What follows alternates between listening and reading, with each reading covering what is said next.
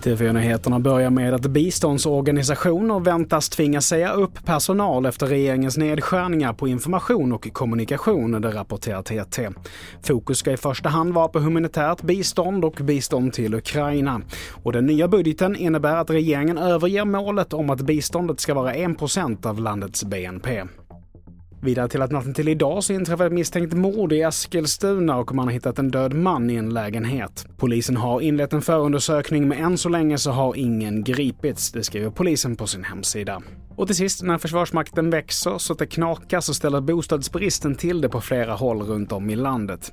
Det saknas husrum för personal i bland annat Kiruna, Göteborg och värst är det på Gotland där soldater har fått bo i tält under vissa perioder. Och nu är oron stor att det här ska påverka försvarets tillväxt. Bedömningen är att det de närmsta åren behövs upp mot 100 nya hyresrätter till försvarspersonal på ön.